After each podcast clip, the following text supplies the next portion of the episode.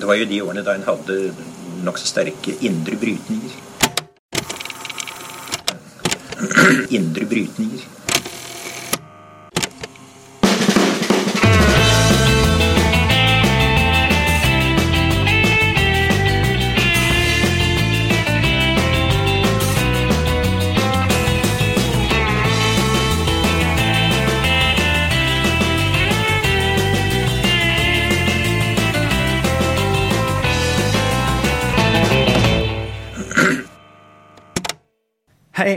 Velkommen til Noen har snakket sammen. Mitt navn er Aksel Fjellavli. Og jeg heter Tiril Rustan Halvorsen. I den episoden her så får vi eh, besøk av Mimi Kristiansson og Ellen Engelstad, som har eh, skrevet ei eh, bok om Rosa Luxemburg i anledning at det er 100 år siden hun ble drept. Så vi skal snakke litt med dem om hvordan liv var det hun levde, hvem var hun for noen, eh, og litt om eh, hvordan tanker det var hun sto for innafor eh, den store paraplyen eh, venstresida i, i, eh, i politikken. Men eh, først en tur innom Storbritannia. For der var det jo en viktig avstemning i parlamentet i går.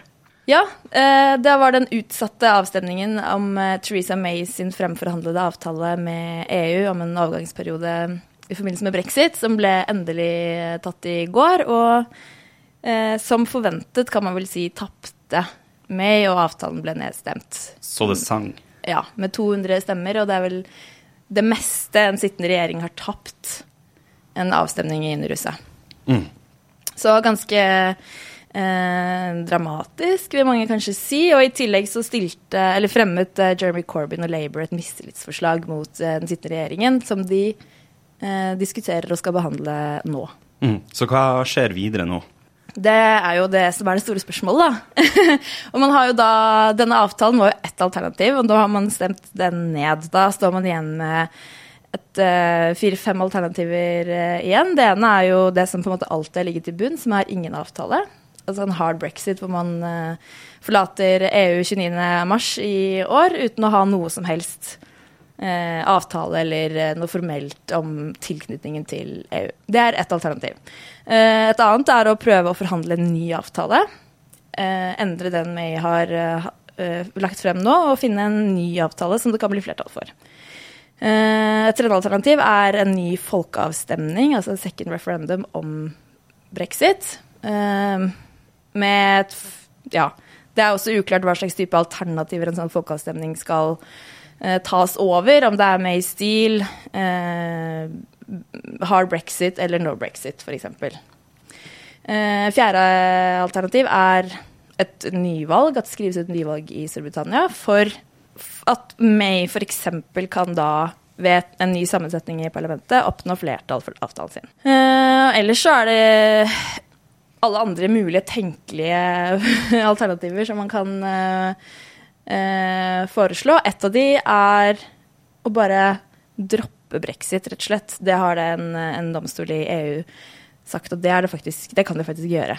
På helt, det kan de gjøre helt på egen hånd.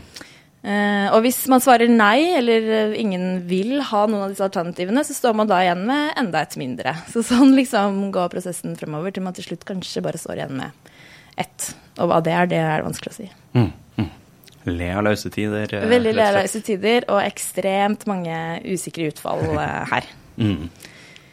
um, og um, det er jo interessant å følge uh, debatten som går rundt brexit uh, fortsatt. Og Mm. Jonas Gahr Støre var blant annet eh, på Urix og fulgte livesendingen i går. Og Mm. han og flere Ja. mener jo nesten at de kunne, man kunne unngått brexit. Ja, for det er jo et, eh, et argument som, som har blitt eh, trukket fram mye, altså spesielt i Storbritannia, men også i den norske debatten om brexit. Og det handler om at det er eh, den politikken som har blitt ført i Storbritannia, som kan være med på å forklare hvorfor folk eh, er forbanna, rett og slett. Og, og Hvilken, slags politikk er det? ja, eh, konkret da, så er det jo det man kaller for austerity, eller eh, sparepolitikk, da, som, som, eh, som har blitt trukket fram av mange. Og en, en studie da, som, som har blitt pekt på, som jeg tenkte kunne være grei å løfte fram, som jo er på en måte et slags sånn vitenskapelig grunnlag for de påstandene, eh, den, eh, den studien konkluderer med at eh,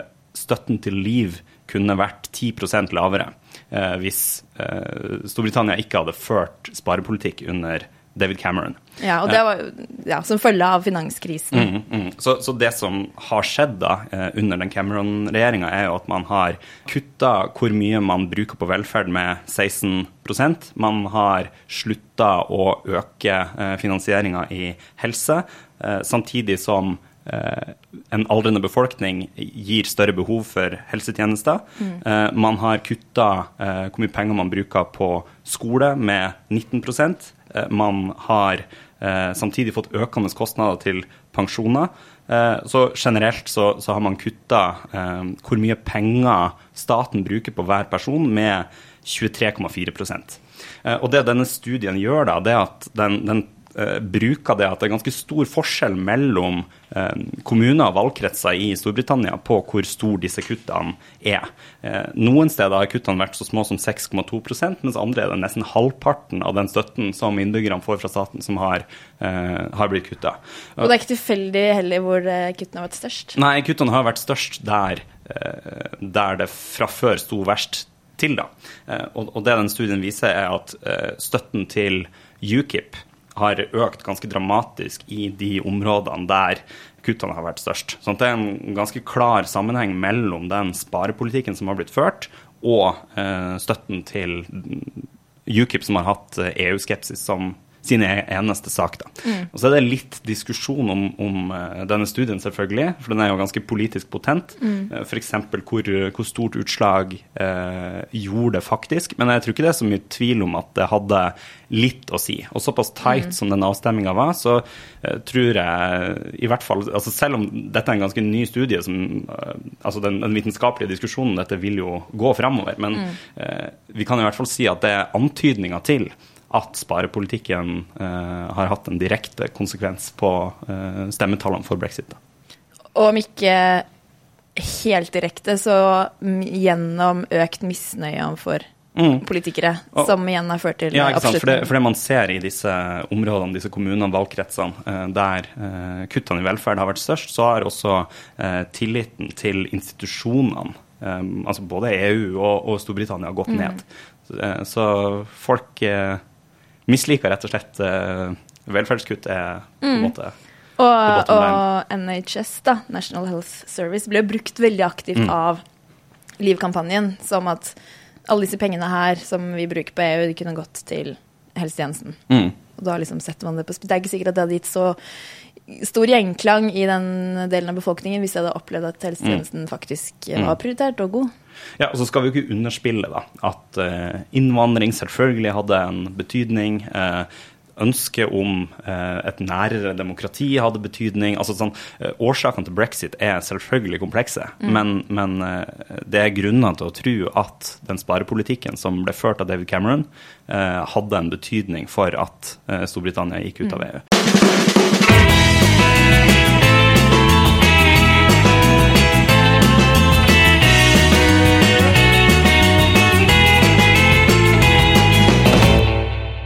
Da har vi fått uh, i studio her Ellen Engelstad og Mimir Kristiansson. Uh, uh, dere har skrevet bok om Rosa Luxemburg. gratulerer med det først. Takk. Ja, det er jo et, et jubileum nå denne uka her. 100 år siden Rosa Luxemburg ble drept. Uh, ikke akkurat et jubileum. nei, nei det, det, vil jo være Markering. Ja, la, la, oss kalle det det. Um, og det har blitt markert mange steder, har jeg ja, sett. En feiring av hennes liv har det i hvert fall vært. Um, men dere har jo skrevet litt mer om, om uh, livet hennes og, og hvilken tid det var hun uh, levde i. Kunne ikke dere starta med å fortale litt om det? Hvordan Tyskland og Europa var det hun levde i? Nei, altså, først og fremst, altså, Rosa Luxemburg vokser jo opp i Polen, eh, i det som da på en måte ikke er Polen, men som er delt mellom eh, Russland, eh, Tyskland og, og Østerrike-Ungarn, altså tre keiserriker. Og det er på en måte i tsarens Russland, da hun egentlig vokser opp, og med all den undertrykkingen som det innebærer, og for så vidt antisemittismen, hun var jødisk òg, så hun ble ramma ganske hardt av det. Og så kom hun seg etter hvert videre til Zürich og Sveits, som er en slags frihavn, og så til Berlin og Tyskland, der det meste av hennes liv egentlig foregår. da. Men tiden er jo prega av en del forskjellige ting. Det første er jo at det, fins jo ingen reelle demokratier nesten i Europa på den tida. Selv i Norge så er det jo først i 1919 at de eh, som på en måte er på fattigkassa, får stemmerett. Det feirer vi jo 600-årsjubileum fra i dag. Rosa Luxemburg stemte aldri i løpet av helseliv, hadde aldri stemmerett eh, fordi hun var kvinne. Eh, og i Tyskland var det en, en sånn eh, ganske merkelig valgordning som var sortert etter skatteevne, som gjorde at hvis du var rik, så hadde du veldig mye mer stemmer enn hvis du var fattig. Og, og, i møte med dette så var det den framvoksende og veldig radikale arbeiderbevegelse. Og den var egentlig ganske sånn jeg vil ikke si reformistisk, men den var egentlig litt sånn uh, jorda i liksom konkrete reformer og forbedringer. Og det var egentlig det Rosa Luxemburg på en måte jobba i, selv om hun hadde jo, og i likhet med mange andre, visjoner om et helt annet samfunn og sånn. Og så ble det akselerert og radikalisert noe voldsomt av verdenskrigen da, som bryter ut i 1914, og som jo er en kan man si ja, jeg, jeg, jeg, tror det fins i dag, til denne dag, ingen historikere som egentlig helt klarer å forklare meningen med den krigen. Altså, den, mhm. er, den er genuint bare en meningsløs nedslaktning av mange millioner mennesker, og, og av arbeidernes eh, eh sønner og av arbeiderkvinnenes eh, ektemenn og, og, og, brødre og sånn. Så, så jeg eh, Det tror jeg hadde enorm påvirkning på at sånne som henne ble ja, radikalisert. da, Og at det skapte jo en veldig sterk splittelse i, i arbeiderbevegelsen mm. den krigen. Og på, etter at denne krigen er slutt, så kommer det da eller det man kaller den tyske revolusjonen. Ja, altså Den tyske revolusjonen var uh, ganske kort og feilet. Den uh, begynte i november i 1918, da Tyskland måtte tapte første verdenskrig, og det var åpenbart. og da eh, var det noen eh, marinegaster da, som ble sendt ut på et slags selvmordsoppdrag av den tyske hærledelsen, som mente at de burde gjøre sånn siste innsats mot den britiske marinen, og det skjønte de at det var bare eh, tull. Krigen var allerede tapt, så de gjorde opprør og nektet å bli med på det, og dannet seg et slags soldatråd som eh, som eh, protesterte, og det spredte seg veldig kjapt eh, til resten av Tyskland, egentlig. Og noen dager senere var revolusjonen i Berlin. Og eh, da var måte styresmaktene desperate, og eh, keiseren abdiserte, og en slags slektning av han, som var, het prins Max eh, Baden, eh, van der Baden, eh, ble da ny statsminister og dannet regjering hvor sosialdemokratene også deltok. Og eh, da slapp de også ut Carl Liebknecht fra fengsel. Han var en veldig kjent eh, sosialdemokrat som eh, satt i fengsel fordi han var mot krigen, rett og slett, da, for fredshissing. Eh, og um, når han ankom Berlin, så eh, var det store demonstrasjoner, enorme opp, opptøyer i gatene. Og eh, da var det en minister fra Sosialdemokratene som eh, erklærte at Tyskland var en republikk til en sånn folkemasse som krevde at han skulle tale til dem. For, eh, for å komme ham i forkjøpet, for de regnet med at Karl Liebknecht ville erklære en sosialistisk republikk straks han var ute av fengsel, og det gjorde han også. Så sånn falt det tyske monarkiet. Eh, og fra da på en måte akselererte hendelsene veldig fort da Rosa Luxemburg slapp ut av fengsel og eh, ankom Berlin noen dager senere. Og da laget de eh, en partiavis som het Den røde fane, som de ga ut. Og, eh, og på en måte gjennom sin gruppe, spartakistgruppa, forsøkte å drive revolusjonen framover, da. Og det var en veldig opprørsk og rar tid. Folk var Um, I begynnelsen ekstremt sånn glade for at uh, liksom, det var stor forbrødring. Folk kom ut og klemte hverandre. Og uh, øyevitner beskriver at liksom, den kalde november ble til en vakker vår og sånne ting. Men uh, det var også veldig, veldig kaotisk, og stadig nye soldater returnerte fra fronten, og alle hadde våpen, og ingen hadde kontroll. Og, så litt sånn kjapt så kan man da si at det, det, det var en revolusjonær stemning, og man lurte liksom på vil dette gå videre fra at det er eh, republikk med styrt av sosialdemokratene, til liksom å bli litt som Sovjetunionen, en rådsrepublikk, da, hvor arbeidere og soldatråd har makten. Og eh, det ble etablert masse arbeidere og eh, soldatråd. Og, eh, og, de fikk makten, men så ville de egentlig ikke ha den, og så var det nyvalg for nasjonalforsamling som skulle komme. Og eh, i den tiden så var det som sagt veldig mange som var bevæpnet. og Um, i begynnelsen av januar 1919 så så det ut som venstresida liksom var på offensiven.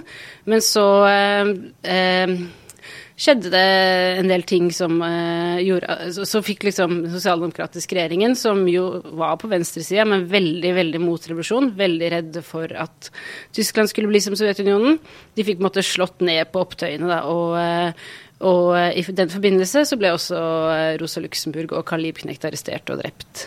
Men, så, så, vi kan forstå da Rosa Luxemburg som en altså Hun skrev jo i denne avisa der, og det fane Vi kan forstå henne best som en slags sånn agitator i, under den, det liksom Spartacus, uh, i den Spartacus-bevegelsen, eller? Ja. Ja, hun er jo en slags sjefsideolog for de. Det som er litt spesielt med akkurat de siste ukene av hennes liv, er jo at hun er mot ganske mange av de tingene som hun på en måte ender opp med å bli involvert i. da. Hun er f.eks. mot Eh, spartakistoppstanden i utgangspunktet, fordi hun mener at, eh, at eh, den er forhasta, og at, at, man må bygge et større folkelig flertall. Hun er òg mot at det partiet som hun er med i på slutten av sitt liv, som heter KPD, som er kommunistiske parti Deutschlands, at det skal et, kalle seg et kommunistparti, og vil at det skal kalles et sosialistparti. Og hun er for at det partiet skal stille til valg, men det blir hun nedstemt på. da. Jeg har bare lyst til å grave litt mer i dette, dette drapet. da. Hva, hva var det som skjedde egentlig, eller vet man det? Ja, man gjør det. Og, og eh, noen dager eh, etter at Spartakistoppstanden Kristiansand er slått ned, så finner blir Luxemburg og Carl Liebknecht funnet i en leilighet i Vestbergen. De har skjult seg på forskjellige steder. Og de som finner dem, det er den typen folk du ikke vil bli funnet av, for å si det sånn. Det er på en måte ikke militæret eller politiet, men liksom veteraner fra første verdenskrig som har gått sammen i noen slags paramilitære grupper. Eh, på en måte en slags sånn eh, høyreradikal milits da, som, som, kalles for Freikorps, eh, frikorpsene. Og, og, mange av disse mennene som er med i dette, blir sentrale i, i eh, naziregimet seinere. Og, og de, eh, ja, de, er de første som begynner å bruke hakekorset som politisk symbol. Og, ja, det er ganske mørke greier, da, for å si det sånn. Og de finner Luxemburg og Liebknecht. Tar de med til et hotell i byen. Uh, Luxemburg identifiserer seg som Rosa Luxemburg. og på vei ut uh, derfra så blir hun slått i uh, bakhodet med en geværkolbe. Da er de hver for seg, Liebknecht og Luxemburg, av en soldat som heter Otto Runge. Og han skal egentlig på en måte slå henne i hjel. Altså, han er liksom han er er i gang med det, men han blir hindra, og hun blir båret ut i en bil og, og kjørt av gårde. Og den, på den bilturen blir hun skutt i hodet og så dumpa i Landwehrkanalen i Berlin. Og det, det er òg noe ved det som gjør det veldig spesielt, at dette skjedde dette er veldig uklart, da, men i en eller annen form for samforståelse med den sosialdemokratiske regjeringen. Mm.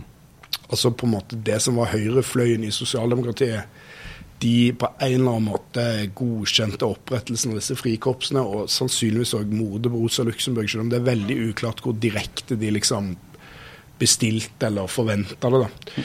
Uh, og, og, det skapte jo en veldig dyp splittelse på tysk venstreside, som vel fortsatt gjør, gjør, det veldig vanskelig for venstresida i Tyskland å samarbeide. Ja, du ser jo lederen for eh, SPD i dag, altså det tyske sosialdemokratiske partiet, blir jo spurt av avisa nå i, mm. i forbindelse med jubileet om hvorvidt eh, sosialdemokratene var Eh, på et eller annet vis involvert i Rosa Luxemburg mm. sin, sin, død. sånn at dette er jo helt åpenbart noe som stikker dypt da, i den, den, konflikten som er uh, internt på tysk, uh, tysk venstreside. Absolutt. Og som jo er, hvis man skal, altså Én ting er jo at det er veldig alvorlig, det skal vi sikkert snakke om senere, at, at de ikke klarte å samle seg i kampen mot Hitler.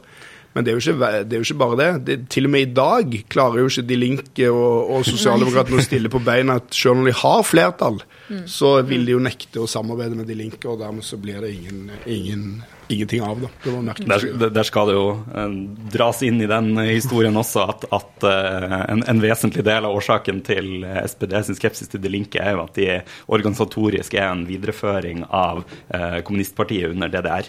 Så, så, dette er jo en historie med flere, flere komponenter. Det kommunistpartiet det der er også en videreføring av partiet Rosa Luxemburg stiftet. Mm. Mm. det, ja. Og som ble forbudt både av Hitler og i Vest-Tyskland. Så to ganger ble det forbudt i, i mm i Vest-Tyskland, da, mens det ble statsbærende i Øst-Tyskland. Mm. Så det henger jo sammen. ja, men også i 56 ble KPD igjen forbudt da, i Vest-Tyskland etter at det hadde blitt demokratisk. Mm. Um, Mm. Mm. Men eh, la oss ta det, da. Eh, litt, eh, litt, kontrafaktisk eh, historie. For dere eh, antyda jo, mer enn antyda, at, at, historien eh, godt kunne ha sett, eh, sett, annerledes ut hvis Rosa Luxemburg ikke hadde blitt drept. Hvis den, den tyske revolusjonen hadde gått hele veien til, til mål, holdt på å si. Ja, altså Det er vel ikke mulig å si at det hadde skjedd helt sikkert ditt og datt, men det jeg tenker er, er to ting som er ganske sannsynlig at uh, ville sett annerledes ut, er for det første på en måte Sovjetunionens utvikling. De uh, var jo hadde aldri tenkt å ha sosialisme i bare ett land, disse russerne. De så for seg at Europa ville følge etter veldig snart, og de tenkte også at det var helt nødvendig. Eh, så når da det ikke skjedde, når det, revolusjonene ble slått ned i Europa, så var de helt alene og isolert. Eh, og da eh, og så gikk første verdenskrig over i en blodig borgerkrig, hvor eh, var det syv ulike land støttet den hvite siden, da, den borgerlige siden. Så de var på en måte veldig kringsatte av fiender og veldig isolerte og alene. Og det førte nok Det er en av grunnene til at de gikk i en så byråkratisk og diktatorisk retning. Eh, det er absolutt ikke en unnskyldning, og det skriver også Røse Luxemburg at det, nå, nå, kanskje Nå gjør dere dyd av nødvendighet. Og det må dere absolutt ikke gjøre. Det er forferdelig feilsteg. Men eh, hvis de hadde hatt en alliert i Tyskland, da, et andre sosialistiske land å samarbeide med, så tror jeg de hadde på en måte vært mulig å utvikle en mer demokratisk sosialisme både i Russland og Europa. Og det andre jeg tenker, er at hvis venstresida hadde fått makten i Tyskland, eh, så den gang så ville, nok, så ville det stoppet nazistene og Hitler. Eh, og, og, også om Si at de ikke hadde fått det, men at de i hvert fall ikke Luxemburg og Liebknecht ble drept på den måten på sosialdemokratenes makt, da, sånn at de hadde greid å samarbeide senere i Weimar-republikken, ikke var en så dyp splittelse, så ville det også helt tror jeg ganske sikkert stoppet Hitler-regimet. For altså KPD, det kommunistpartiet hun stiftet, de hadde faktisk 100 eh, eh, medlemmer i Riksdagen eh, da da Hitler tok makten. Så KPD og SPD hadde sammen masse representanter, masse folk i ryggen. ikke sant? Så hvis de hadde greid å samarbeide, tror jeg det lett de kunne stoppet Hitler, men det greide de ikke da. Det er alltid gøy med sånn eh, kontrafaktisk historie, spesielt når det involverer Hitler. da, da, kunne historien fort sett, uh, sett, veldig annerledes ut med bare noen små endringer på veien. Men vi må snakke litt om, om Rosa Luxemburg som, som ideolog. hun var jo sosialist, marxist. Eh, hvordan, hvordan, type eh, samfunn var det hun så for seg, eller hvordan type eh, ideolog var hun?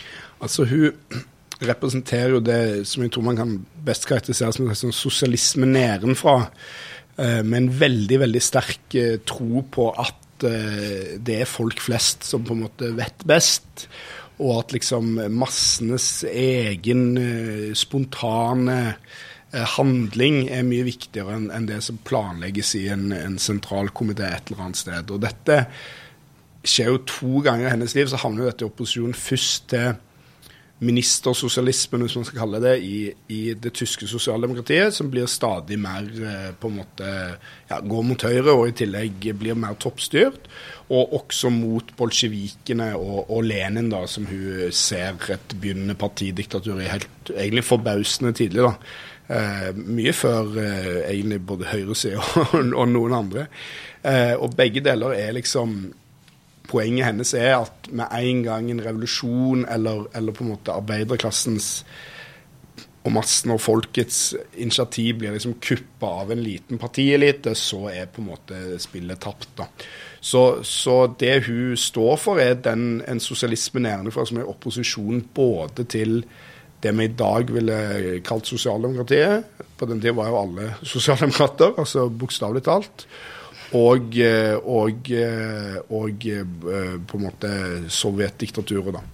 Og dette har veldig gjort at hun har vært eh, interessant for alle som har prøvd å finne en slags sånn tredje vei, nesten, mellom på en måte aksept for kapitalismen på den ene siden og støtte til Sovjet på den andre siden, som jo var liksom utfordringen særlig under kalde krigen. Altså, hun er veldig viktig for Martin Tranmæl i Norge, og senere for en, en eh, fyr som Reulf Steen. Men hun er selvfølgelig òg veldig viktig for uh, Tsjekkoslovakia i 1968, når de prøver å lage en demokratisk uh, reformkommunisme i Tsjekkoslovakia da, blir slått ned av Sovjet. Og for egentlig ja, moderne sosialister, altså som meg og Ellen og, og, alle som på en måte har stått i den skvisen der du, du krangler med han høyrefyren som sier 'vil du ha det som i Sovjet', liksom. Det vil du ikke, men du vil ikke ha det som han har det heller. Så på en måte da er det hun som er på en måte svaret på det. mm. Altså hun, jo, hun, er jo både i en, en liksom skriftlig debatt mot uh, Lenin. Det er ikke bare at hun på en måte ønsker et annars, en annen slags sosialisme enn Lenin, men hun går jo også aktivt inn i uh, den debatten. Men, men også mot uh, Bernstein, da, som jo var en, en Eh, la oss kalle han en sosialdemokratisk eh, ideolog. Han var reformist.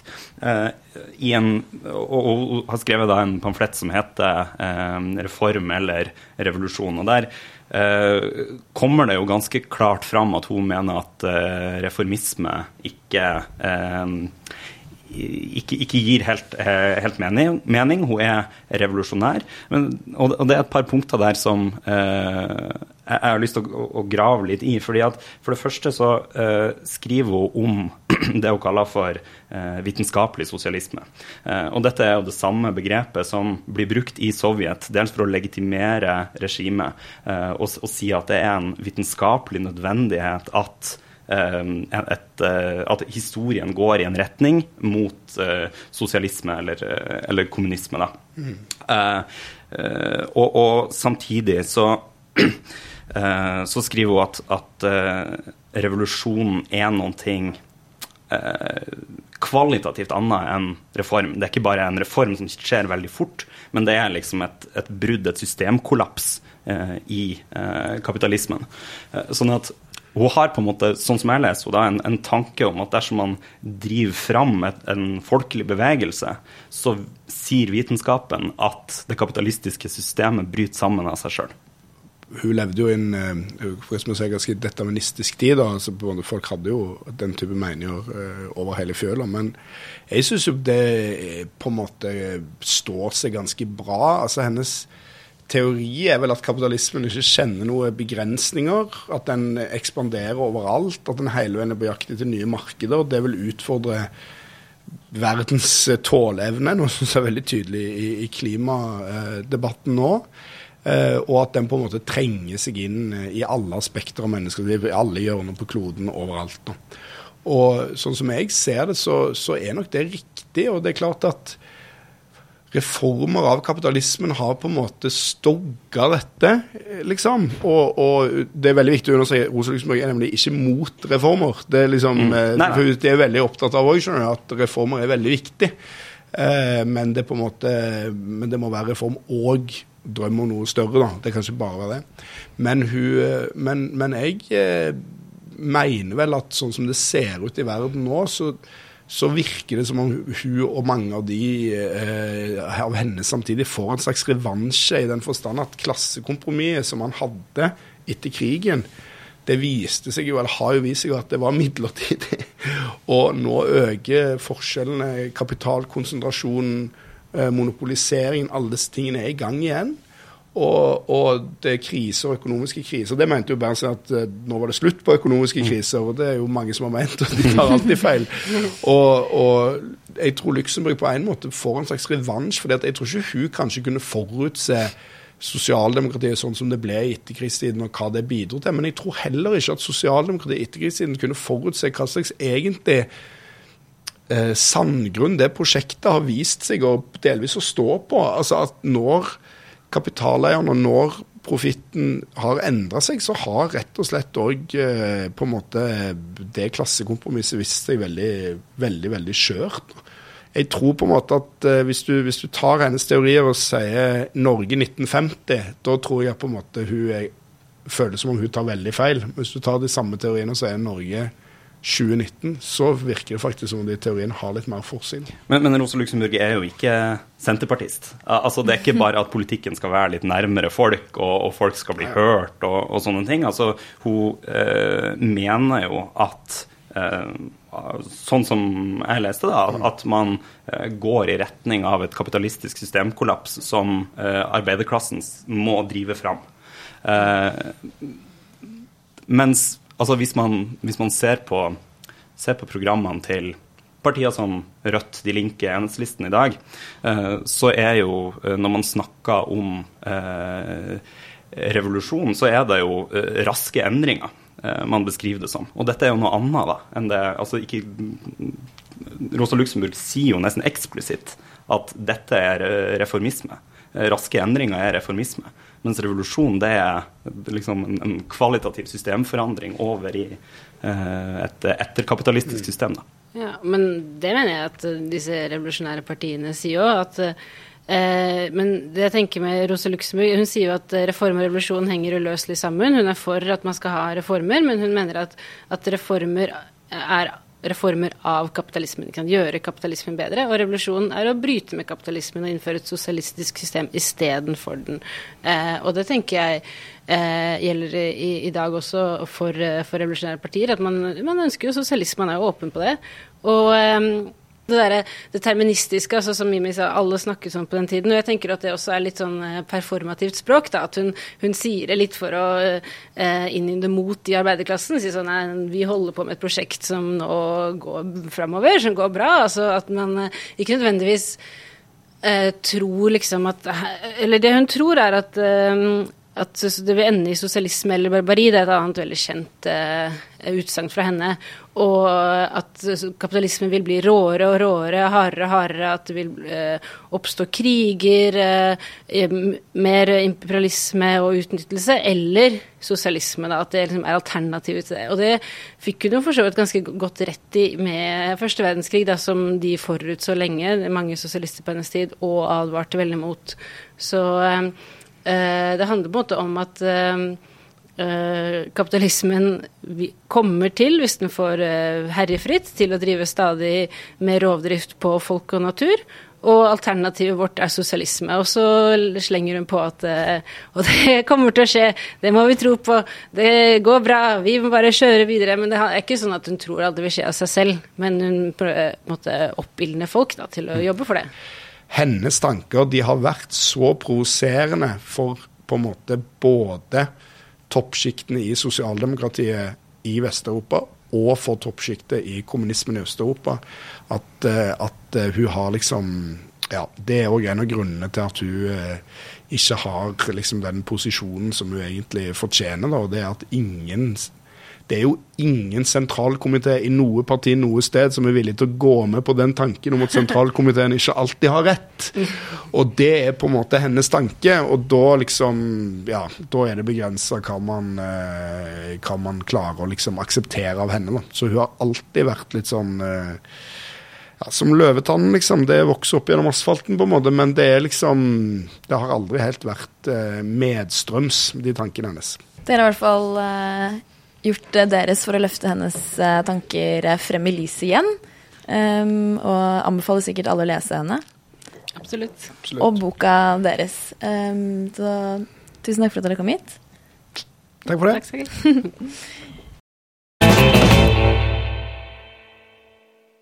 Ja, da har vi sneia litt innom uh, Rosa Luxemburg og revolusjonen. Nå er vi tilbake i reformismens øyborg. Uh, og Eh, vi har noe å selge. Ja, jeg tenkte jeg, eh, at jeg kunne selge folk et teaterstykke som går på Det Norske Teater. Og med selge mener vi selvfølgelig anbefale. Ja. Jeg har ingenting eh, med det teateret å gjøre. Ingen kommersielle interesser i det. Men jeg, jeg var der og ble revet med av et stykke om Oslo-prosessen. Det har gått på Broadway og West End og vunnet syv Tony Awards eller et eller annet sånt.